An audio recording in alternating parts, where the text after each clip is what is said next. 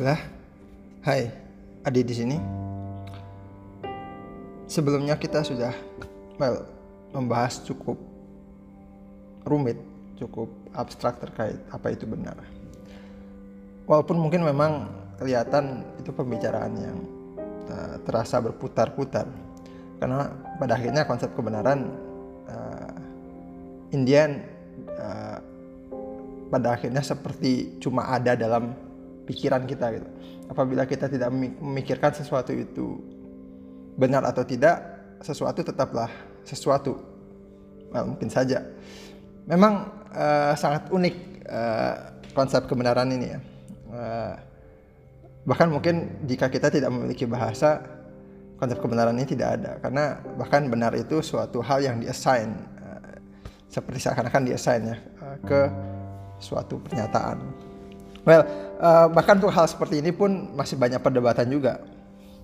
Kalau kesimpulan saya yang terakhir, ya suatu itu bisa disebut benar ketika memang sesuai dengan suatu sistem uh, ya didefinisikan oleh suatu sistem kebenaran yang ada dalam pikiran kita. Dan itu sangat bergantung pada pemilik pikiran tersebut. Dan bagaimana sistem kebenaran itu dibangun pun sebenarnya masih masih belum terjawab juga. Tapi paling tidak kita punya sedikit konsep yang bisa dipegang. Yang well uh, apa pun bentuk kebenarannya itu semua berlaku seperti itu. Nah terkait bagaimana sistem kebenaran ini dibangun nah ini yang uh, banyak teori yang bermunculan di dunia filsafat. Dan masing-masing tentu saja punya perspektifnya sendiri-sendiri. Ya mungkin saya hanya akan mencoba well membahas beberapa di antaranya secara sederhana tentu saja. Karena kalau membahas teori ini satu persatu apalagi sampai detail semua cabang-cabangnya itu pada akhirnya well, mereka punya uh, sat, dalam satu dua hal tidak jauh berbeda satu sama lain. Jadi ini hanya yang kira-kira uh, punya uh, mewakili uh, perspektif yang berbeda begitu. Eh, paling tidak ada lima atau enam lah uh, perspektif ter terkait kebenaran yang bisa dilihat uh, bagaimana sebenarnya sistem kebenaran itu dibentuk.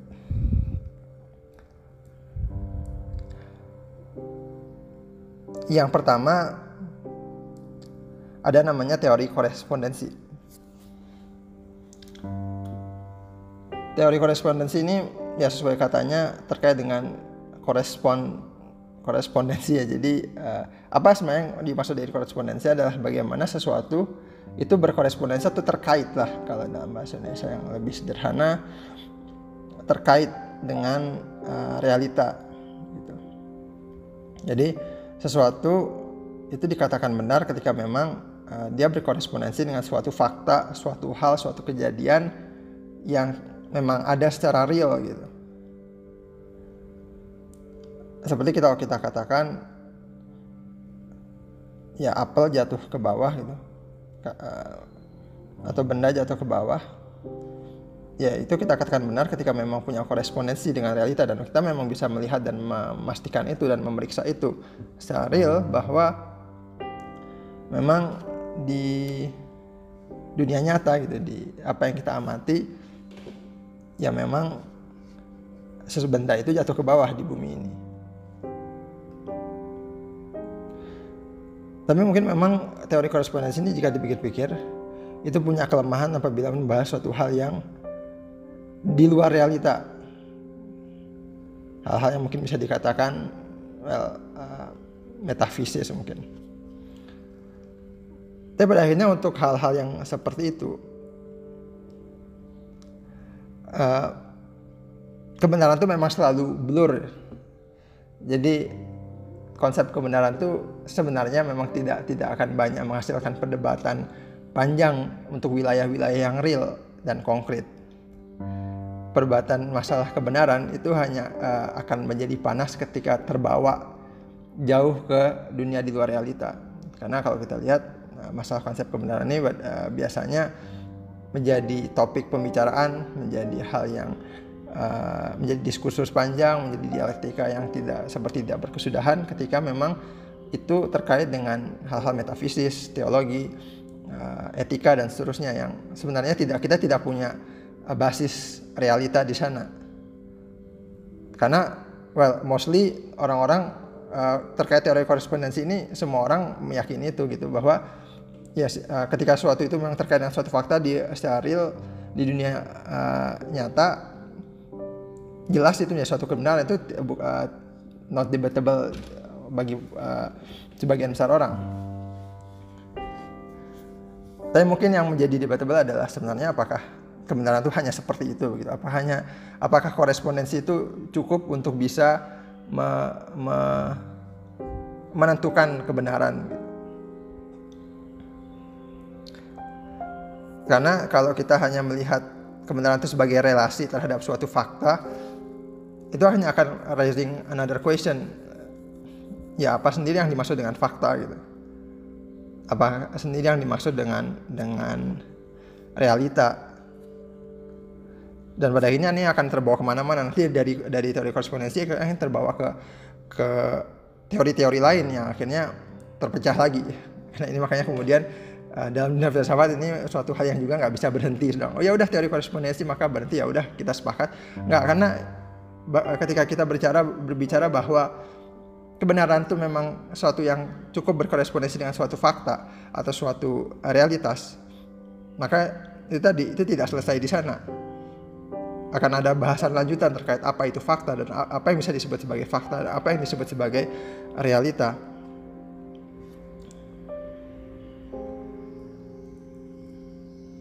Jadi, well, ini bahkan nanti terkait dengan masalah uh, entitas ontologis ya dan dan seterusnya. Tapi ini mungkin uh, kita tidak akan terlalu membahas ke sana. Tapi enggak uh, itu salah satu teori yang mengat terkait dengan kebenaran itu.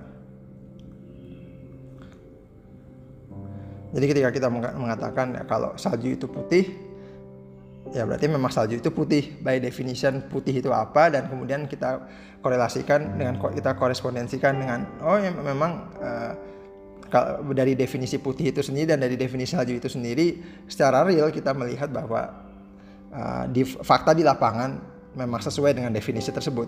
Bahwa yang dimaksud dengan salju entitas yang dimaksud dengan salju memiliki deskripsi-deskripsi uh, atribut yang uh, terkait dengan warna putih. Dua hal ini terkait maka akhirnya kita katakan benar bahwa salju itu putih Nah, uh, bergerak dari teori korespondensi uh, ada satu hal uh, satu teori lagi yang sebenarnya yang tidak terkenal. Tidak terkenal karena ini uh, levelnya sangat abstrak. Uh, dicetuskan oleh namanya Alfred Tarski. Tarski ini orang matematika ya, jadi uh, kalau pernah dengar namanya uh, benah Tarski paradox, uh, ya Tarski ini orangnya gitu. Itu di dunia matematika sangat terkenal sebenarnya Cuma karena Tarski ini orang matematika, dia tuh lebih melihat kebenaran itu secara semantik. Makanya disebut dengan uh, semantic theory of truth, jadi teori semantik. Semantik itu hubungan antar ya hubungan antar komponen di dalam suatu kalimat. Jadi lebih terkait ke ke inherent dalam dalam pernyataan itu sendiri gitu.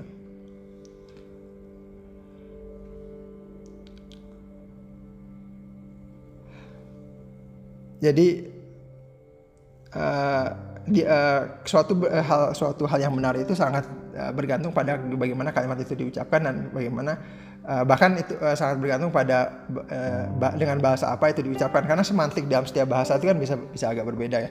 Kecuali memang diucapkan dengan suatu uh, suatu struktur yang jelas yang akhir yang pada akhirnya struktur itu dimiliki oleh hampir semua bahasa.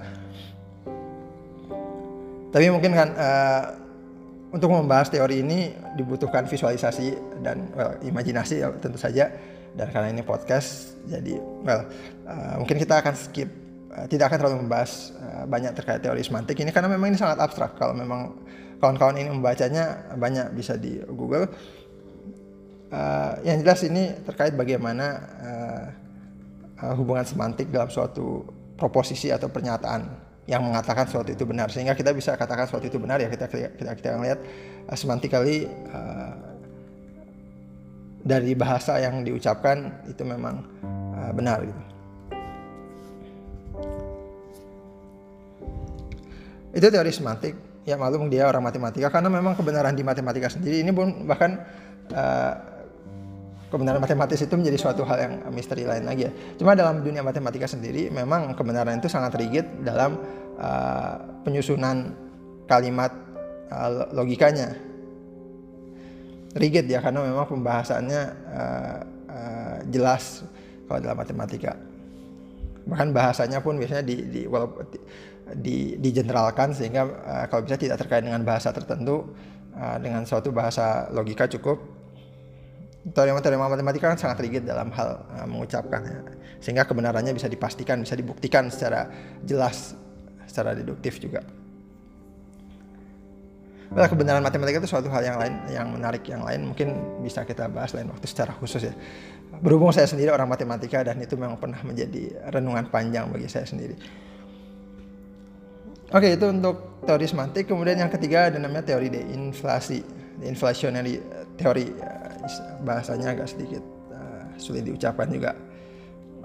Uh, deinflationary atau deinfla, teori deinflasi ini uh, deflasi sorry deinflasi gitu dua double ya deflationary deflasi kan kalau kita dengar kata inflasi inflasi itu kan uh, meningkat naiknya harga ya kan uh, secara umum ya naiknya harga dalam apa harga-harga pokok dalam suatu uh, sistem ekonomi. Inflasi itu kan inflate, inflate itu kan kalau bahasa yang lebih umum sebenarnya mengembang gitu, mengembang. Deflasi itu ya kebalikannya mengkerut. Mengkerut ini kenapa disebut mengkerut? Karena ya udah kebenaran tuh nggak perlu di apa-apain lagi, udah dikecil, di, dikerdilkan aja lah makna kebenaran. Maksudnya dikerdilkan itu apa? Bahwa kebenaran itu sebenarnya redundan. Konsep kebenaran itu redundan, uh, sia-sia untuk dibahas. Nggak ada gunanya lah untuk dibahas. Itu suatu hal yang uh, berlebihan. Nggak perlu, uh, nggak uh, tidak punya tidak punya signifikansi apa-apa membahas itu atau tidak membahas itu. Sesuatu benar ya udah uh, nggak usah diucapkan benarnya. Bahwa misalnya salju itu putih, itu sama sama sebenarnya mengatakan bahwa kalimat ini kalimat salju itu putih sama saja dengan mengatakan ada uh, adalah pernyataan yang benar salju itu putih. Jadi kata benarnya ini nggak penting. Atau salju itu putih itu adalah benar gitu. Jadi benarnya sendiri ini tidak tidak tidak berguna gitu. Uh, atribut benar ini suatu hal yang memang nggak perlu dibicarakan. Artinya kita cukup membicarakan hal yang memang jelas-jelas sudah benar gitu. Suatu hal yang salah tidak mungkin kita bicarakan paling tidak dalam perspektif ini. Jadi deflation, uh, deflationary atau deflasi teori deflasi ini ya udah uh, tidak perlu tidak perlu uh, kebenaran itu bukan hal untuk dibahas itu kebenaran itu bukan hal untuk dibahas. Jadi kita nggak perlu membahas apakah benar bahwa ini apakah benar bahwa itu apakah benar bahwa ini bahwa bla bla bla yang lain. Itu nggak nggak nggak relevan nggak signifikan nggak nggak ada gunanya. Redundan lah membahas hal seperti itu. Kita cukup melihat apa yang memang kita bisa ketahui, memang apa yang bisa kita uh, simpulkan. Ya udah kita membahas loh itu aja. Di luar itu ya kita nggak usah mempertanyakan lagi apakah benar ini, apakah benar itu. Kalau itu memang sudah sesuai dengan suatu dengan alur berpikir yang tepat atau dengan suatu dengan pengetahuan kita ya udah itu benar gitu. Jadi predikat adalah benar itu well uh, apa ya bisa dikatakan tidak tidak ya tidak bisa dihilangkan lah artinya tidak tidak terlalu perlu. Memang mungkin aneh ya uh, konsep ini, tapi ini banyak juga ya penganutnya uh, dan termasuk terkenal juga deflasi dari tadi atau teori deflasi.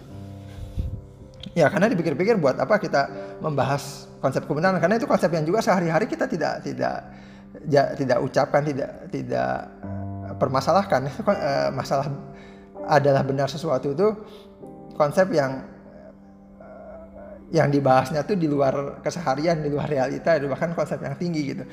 Kita ada sehari-hari ya udah kita mengatakan oh hari ini hujan. Kita nggak perlu apakah benar hari ini hujan? Gitu. Uh, itu tidak perlu. Cukup aja katakan apakah hari ini hujan? Gitu. Ya tidak perlu me, me, me, me, me, menambahkan imbuhan uh, benar. Dan artinya di sini konsep benar itu konsep yang rudin konsep yang tidak perlu. Bahkan tadi yang seperti yang saya katakan di awal itu cuma atribut yang diassign aja jangan-jangan memang nggak ada konsep kebenaran. Ya udah yang ada uh, apa yang bisa kita uh, cukup dari apa yang bisa kita ketahui dari situ saja. Kita cuma bisa mengatakan uh, kita cuma bisa melihat dunia ini dari apa yang kita ketahui dan apa yang bisa kita yakini dan apa yang tidak. Tidak relevan mana yang benar mana yang enggak karena pada akhirnya manusia itu punya keterbatasan dalam pengetahuan tersebut kita tinggal bagaimana kalau ada orang yang memiliki pengetahuan atau pemahaman yang berbeda atau keyakinan yang berbeda kita korelasikan uh, kita uh, apa namanya bandingkan komparasi atau semacamnya diskusikan sehingga ya kita bisa mencocokkan pengetahuan itu tapi ini uh, tapi sama sekali kita tidak perlu me, me, me, menggunakan istilah benar salah di sana. Belum kebayang ya kalau belum kebayang kalau belum kebayang nggak apa-apa. Jadi well uh, gini aja lah.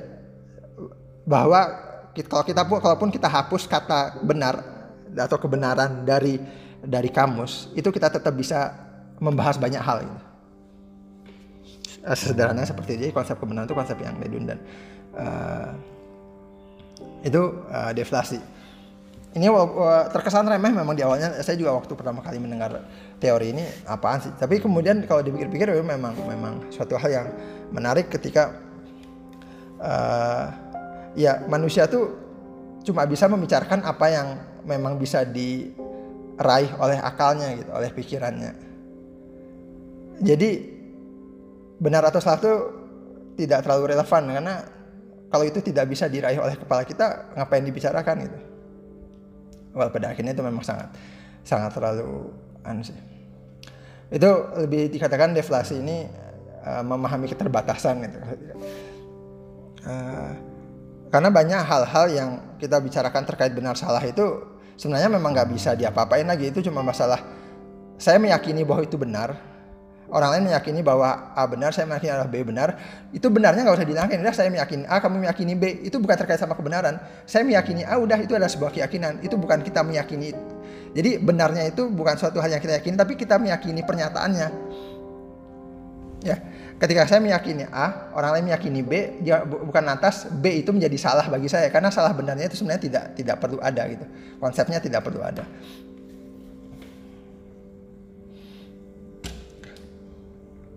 Itu teori deflasi.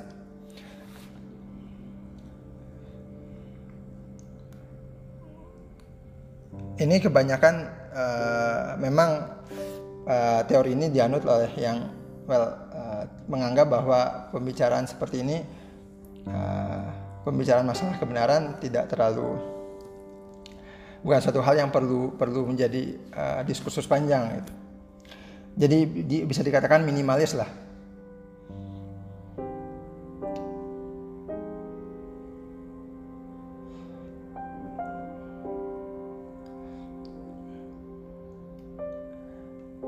Jadi uh, menghilangkan frase adalah benar atau menghilangkan konsep benar itu sendiri dalam diskursus pemikiran atau diskursus pembicaraan itu uh, tidak mengubah apa-apa. Benar tidak mengubah apa-apa. Uh, bahkan ini bisa memang menghasilkan implikasi lain bahwa memang jangan-jangan konsep benar salah itu hanyalah imajinasi, hanyalah mitos, hanyalah narasi yang ada di kepala kita aja gitu. Bahwa kita ingin uh, uh, bahwa kita ingin mengafirmasi mengafirmasi apa yang kita yakini. Jadi kita menciptakan suatu suatu konsep uh, biner, benar dan salah. Sesuatu yang ter, uh, sesuatu yang sesuai dengan keyakinan uh, subjektif kita itu akan kita sebut sebagai benar.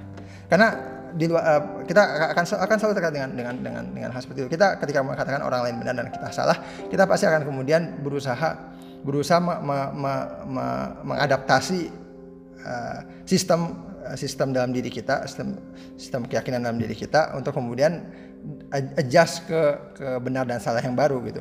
Oh, bos, oh ternyata saya salah terkait itu. Ya udah dia akan akan kita akan mengadjust bahwa yang benar adalah ini dan kemudian kita akan kaitkan lagi dengan diri bahwa kita kita berada dalam suatu suatu uh, mental mental dunia mental gitu dalam pikiran kita kita membangun konsep bahwa uh, apa pun yang yang saya suatu sistem gitu apa uh, yang di mana dalam sistem itu uh, ada yang benar dan yang benar ini adalah suatu hal yang yang ya yang memang perlu diyakini perlu dipegang. Yang lain nggak nggak usah dipegang itu ketika ada suatu hal kecuali kita memang itu dikoreksi tadi diajas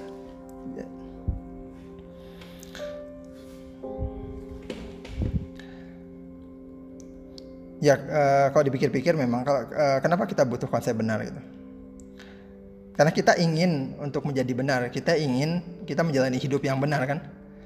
Dan apa sebenarnya makna dari menjalani hidup yang benar? Bahwa kita memastikan bahwa uh, hidup kita ini sesuai dengan apa yang seharusnya. Dan apa yang seharusnya ini pun suatu hal yang uh, uh, licin juga untuk didefinisikan. Jadi kita kemudian menggunakan konsep benar untuk uh, menciptakan boundary. Menciptakan semacam area gitu boundary. Bahwa ini adalah hal-hal yang memang uh, sesuai untuk saya lakukan dalam hidup dan akhirnya uh, tapi boundary ini memang pada akhirnya seiring waktu akan terus akan terus termodifikasi seiring dengan kita belajar. Berapa uh, apa yang apa yang kita anggap benar sekarang dan apa yang kita anggap besok bisa berbeda uh, karena pengetahuan baru akan terus akan terus uh, berkembang. Dan akhirnya kita akan terus meluruskan meluruskan hidup kita. Kecuali kita menciptakan boundary yang fix yang akhirnya kita menolak apa pun perubahan yang terjadi pada boundary tersebut. Ya udah, pokoknya bagi saya benar uh, yang benar itu adalah ini terlepas dari orang yang benar. Itu pun tidak mengubah kebenaran secara umum. Ya tentu saja ini memang masih dalam dalam dalam ranah dalam asumsi dasar bahwa kebenaran itu masih subjek masih bergantung subjek tadi, uh, tadi bahwa uh, yang sesuatu bisa disebut benar karena memang secara subjek secara uh, uh, individual kita kita membangun sebuah sistem kebenaran. Suatu itu benar ketika itu terkait dengan sistem kebenaran ini apakah memang ada uh, benar lain di luar sana yang tidak yang terlepas dari individu? Itu pembahasan lain nanti ya perlu dia. Karena kita harus membahas karena benar benar dari sisi subjektif. Dengan benar dari sisi objektif pun definisinya bisa sangat berbeda.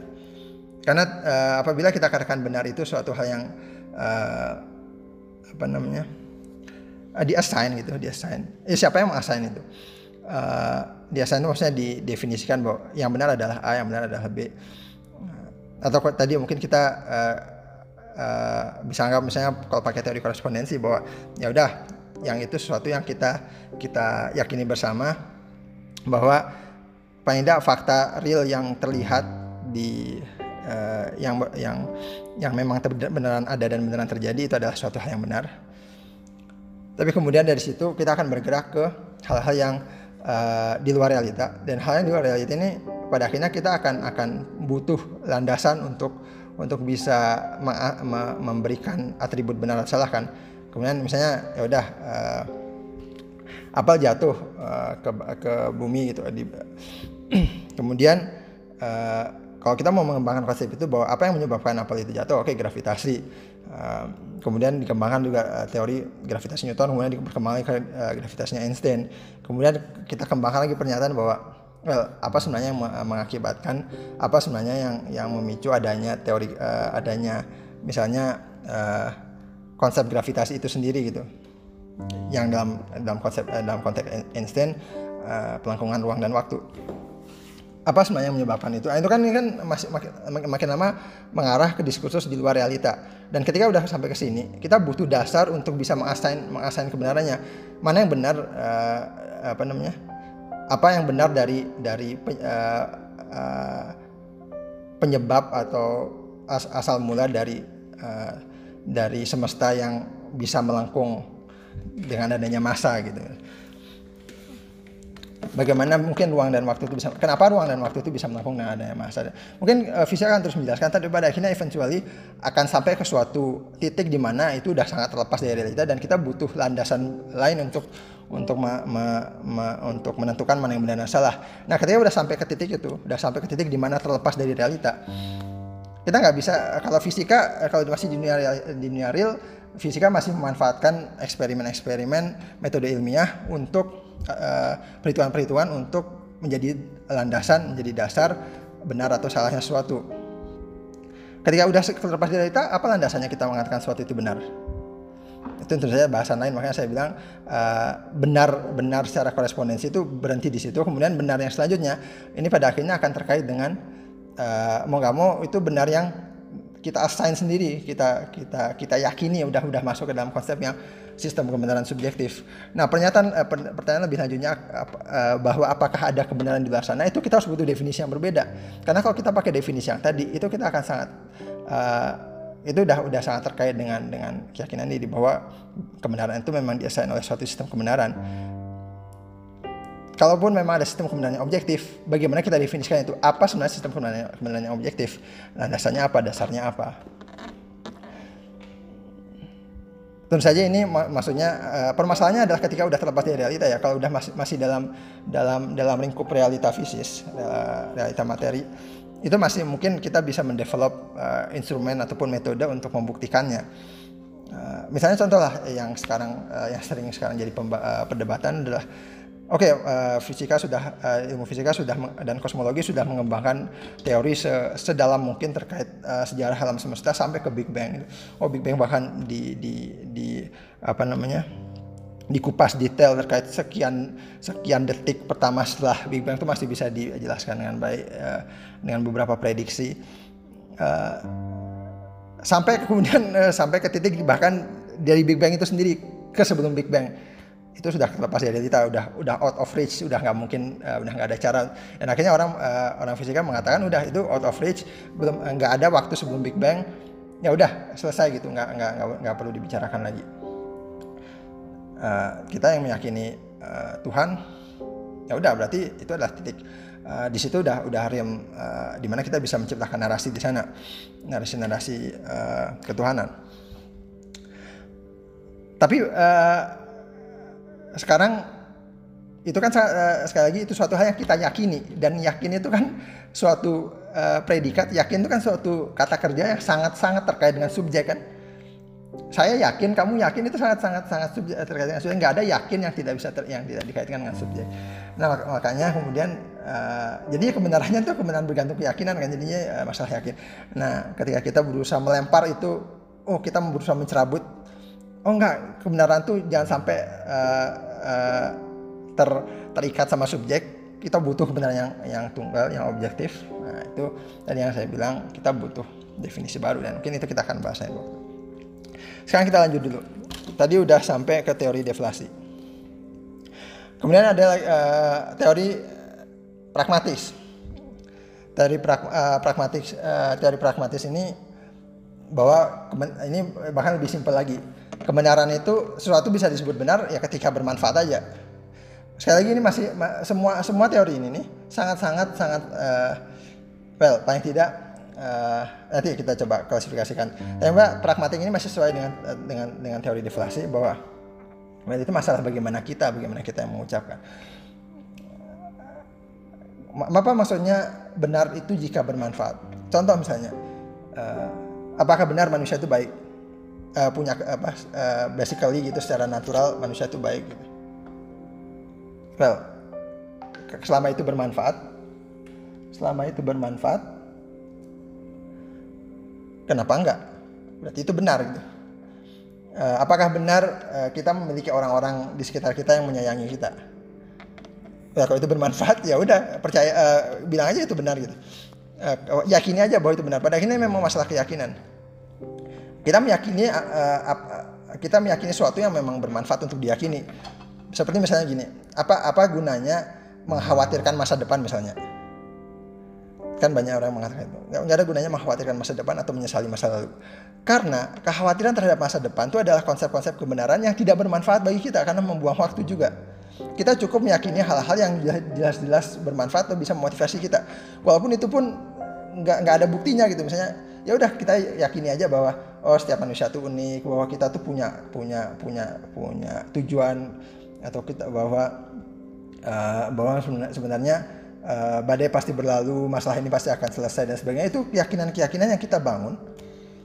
Dan memang bermanfaat itu uh, membangun membangun aura positif kan membangun pikiran positif akhirnya kita pun akan melakukan sesuatu untuk keluar dari masalah-masalah. Dan kita akan menghindari keyakinan-keyakinan bahwa wah uh, apa namanya masalah ini berat dan sebagainya. Itu kan uh, ya kita kalau bisa menghindari pikiran-pikiran seperti itu itu berarti bahwa pikiran pikiran-pikiran seperti itu tidak benar karena tidak bermanfaat Oke itu mungkin terkait sangat terkait dengan subjek. Sekarang kalau kita bergerak ke, ke kebenaran-kebenaran yang uh, lebih yang agak terlepas dari subjek. Misalnya apakah benar bahwa jumlah perempuan itu uh, perempuan di dunia saat ini itu adalah uh, uh, genap? Nah itu nggak bermanfaat ngapain di, dipikirin gitu bahasa kesannya? Itu udah uh, bukan uh, jadi uh, banyak kebenaran-kebenaran di dunia ini yang uh, tidak tidak tidak bermanfaat untuk dipikirkan itu. Jadi ya udah kita mengatakan sesuatu itu benar ketika itu bermanfaat bagi kita. Ini bahkan memang dia bisa diextend bahwa uh, bahwa misalnya meyakini bahwa uh, adanya takdir misalnya ya kalau itu memang bermanfaat yakinilah kalau enggak ya berarti itu nggak benar gitu. Kalau nggak bermanfaat nggak uh, nggak usah dianggap benar. Jadi itu teori pragmatis namanya juga pragmatis uh, sangat bergantung sangat pragmatis ya. Jadi bergantung pada bergantung pada ke, ke kebermanfaatan gitu. Apakah itu memang bisa kita manfaatkan atau enggak. Kemudian teori ke berapa? Satu dua tiga empat lima uh, coherence. Uh, teori, teori teori coherence atau koherensi teori koherensi ini hmm, ya uh, lebih ke bagaimana kebenaran itu secara kolektif konsisten. Maksudnya konsisten adalah kalau dalam suatu kelompok, misalnya kalau saya katakan, oh, oke okay, benar bahwa ada ada itu uh, unicorn itu ada. Kalau kemudian saya berhasil uh, uh, membangun suatu komunitas di mana semuanya meyakini mengatakan benar bahwa unicorn itu ada, kebenaran saya berkoherensi dengan kebenaran-kebenaran orang lain di komunitas, komunitas tersebut. Dan ini menjadi menjadi basis dari uh, kebenaran berbasis uh, konsensus bahwa ketika semua orang di dunia uh, saint, semua saintis dunia ini uh, me me meyakini kebenaran yang sama, maka itu berkoherensi satu sama, satu sama lain akhirnya menguatkan kebenarannya. Jadi kebenaran itu bagaimana itu terkait dengan atau cocok dengan kebenaran yang lain. Jadi kalau misalnya saya meyakini sesuatu dan yang meyakini itu cuma saya, berarti kekuatan berarti itu nggak berkoherensi sama siapa benar kebenarannya nggak berkoherensi dengan kebenaran orang lain jadi benar itu jika dia berkoherensi dengan semakin dengan dengan dengan eh, semakin banyak konsep kebenaran. Karena kebenaran itu uh, konsep yang harus konsisten. Nggak boleh kemudian ada dua ada tiga kebenaran yang berbeda gitu. Saya mengatakan A uh, kamu mengatakan B terus kita katakan dua-duanya benar itu nggak bisa gitu. Harus berkoherensi itu kita katakan nggak berkoherensi kalau saya mengatakan A uh, kamu mengatakan B kemudian kita sama-sama meyakini benar itu nggak berkoherensi dan akhirnya itu sains juga eh, berkembang dengan cara itu makanya kemudian ada konsep peer review dan sebagainya. Sains berkembang dengan itu bahwa ya ketika uh, diajukan bahwa yang benar adalah ini kemudian semua orang menerima ya udah uh, itu ada sebuah, sebuah kebenaran. Ketika ada yang kemudian mengkritik kemudian mengajukan alternatif ya akan jadi kebenaran yang baru ketika orang lain juga menerima Nah, pada akhirnya memang mustahil untuk membuat sebenar-benar semua orang menerima. Artinya Eh, agak mustahil untuk membuat koherensi secara total seluruh manusia di dunia ini meyakini kebenaran yang sama. Karena kebenaran itu sekali lagi well siapa yang bisa maksa apa yang kita yakini uh, bahwa benar itu. Nah pada akhirnya kemudian makanya dalam konsep eh, dalam konteks sains itu ada namanya uh, paradigma. Atau kalau dalam teori yang lebih modern ada namanya uh, uh, apa istilahnya tuh core gitu apa pertarungan antar core. Jadi ketika uh, eh, antar narasi narasi ilmiah gitu. Jadi uh, misalnya dalam dalam konteks dalam dalam ilmu ekonomi ilmu ekonomi itu ada dua ada dua anggaplah ada dua teori yang berkembang. Uh, teori pasar bebas kapitalisme dan semacamnya dan kemudian teori komunisme. Anggaplah seperti ini ini saya sederhanakan aja. Ya udah uh, yang mana yang benar itu seberapa kuat aja koherensi satu sama lain. Pada akhirnya sekarang ini kita melihat bahwa uh, yang lebih berkoherensi adalah uh, yang teori teori kapitalis. Karena semakin banyak orang semakin uh, eh, meyakini itu benar, semakin itu cocok dengan kehidupan orang-orang. Ya udah, kemudian itu menjadi benar. Dan ini memang uh, ini kebenaran kolektif berbasisnya dari sini. Kemudian yang terakhir teori keenam itu namanya teori nihilis ini uh, udah ini total destru, uh, destruksi. Jadi ya udah nggak ada kebenaran gitu. Uh, ini uh, versi ekstrim dari, dari yang saya bilang tadi bahwa kebenaran itu pure uh, sistem yang kita bangun sendiri secara subjektif. Nah, ya udah jadi nggak ada gunanya membicarakan kebenaran di luar sana baik masa itu berkoherensi dan sebagainya. Udah nggak ada kebenaran kita definisikan kebenaran itu sendiri aja bagi uh, bagi diri kita. Kalau ada perbedaan ya udah itu berarti memang uh, saya benar menurut saya benar kamu menurut benar menurut kamu benar udah gitu selesai gitu. Nihil memang nihil nggak ada uh, kebenaran itu memang nggak ada gitu. Konsep yang nggak uh, beda sama deflasi kalau teori deflasi tadi itu cuma mengatakan itu nggak nggak relevan untuk dibicarakan gitu bahwa itu konsep yang udah gitu. Kalau nihilis ini benar-benar ditarik bilang nggak ada namanya kebenaran gitu. Nggak ada uh, uh, pada akhirnya makna uh, dalam kehidupan ini kita bangun sendiri dalam pikiran kita. Itu semua uh, itu semuanya lah narasi mitos yang kita ciptakan sendiri dalam pikiran kita. Apa pun itu masalah uh, cinta bahagia kehidupan sukses uh, dan sebagainya itu narasi yang kita ciptakan sendiri. Kebetulan aja kemudian itu berkoherensi dengan uh, berkaitan dengan uh, apa namanya menemui kesamaan dengan orang lain. Tapi pada akhirnya ketika ada berbenturan ya enggak uh, masing-masing aja gitu. Ini konsep nihilis ini destruksi total gitu jadi uh, satu ekstrim uh, mana yang benar uh, ini bukan masalah uh, kita mana yang benar jadi teori ben kebenaran mana yang benar ini mah muter lagi kan jadinya tapi karena memang kita lagi berbicara masalah benar, kita nggak berbicara teori mana yang benar karena ini akan muter lagi. Gimana cara kita mengetahui teori mana yang benar ketika bahan kita lagi membicarakan teori kebenaran?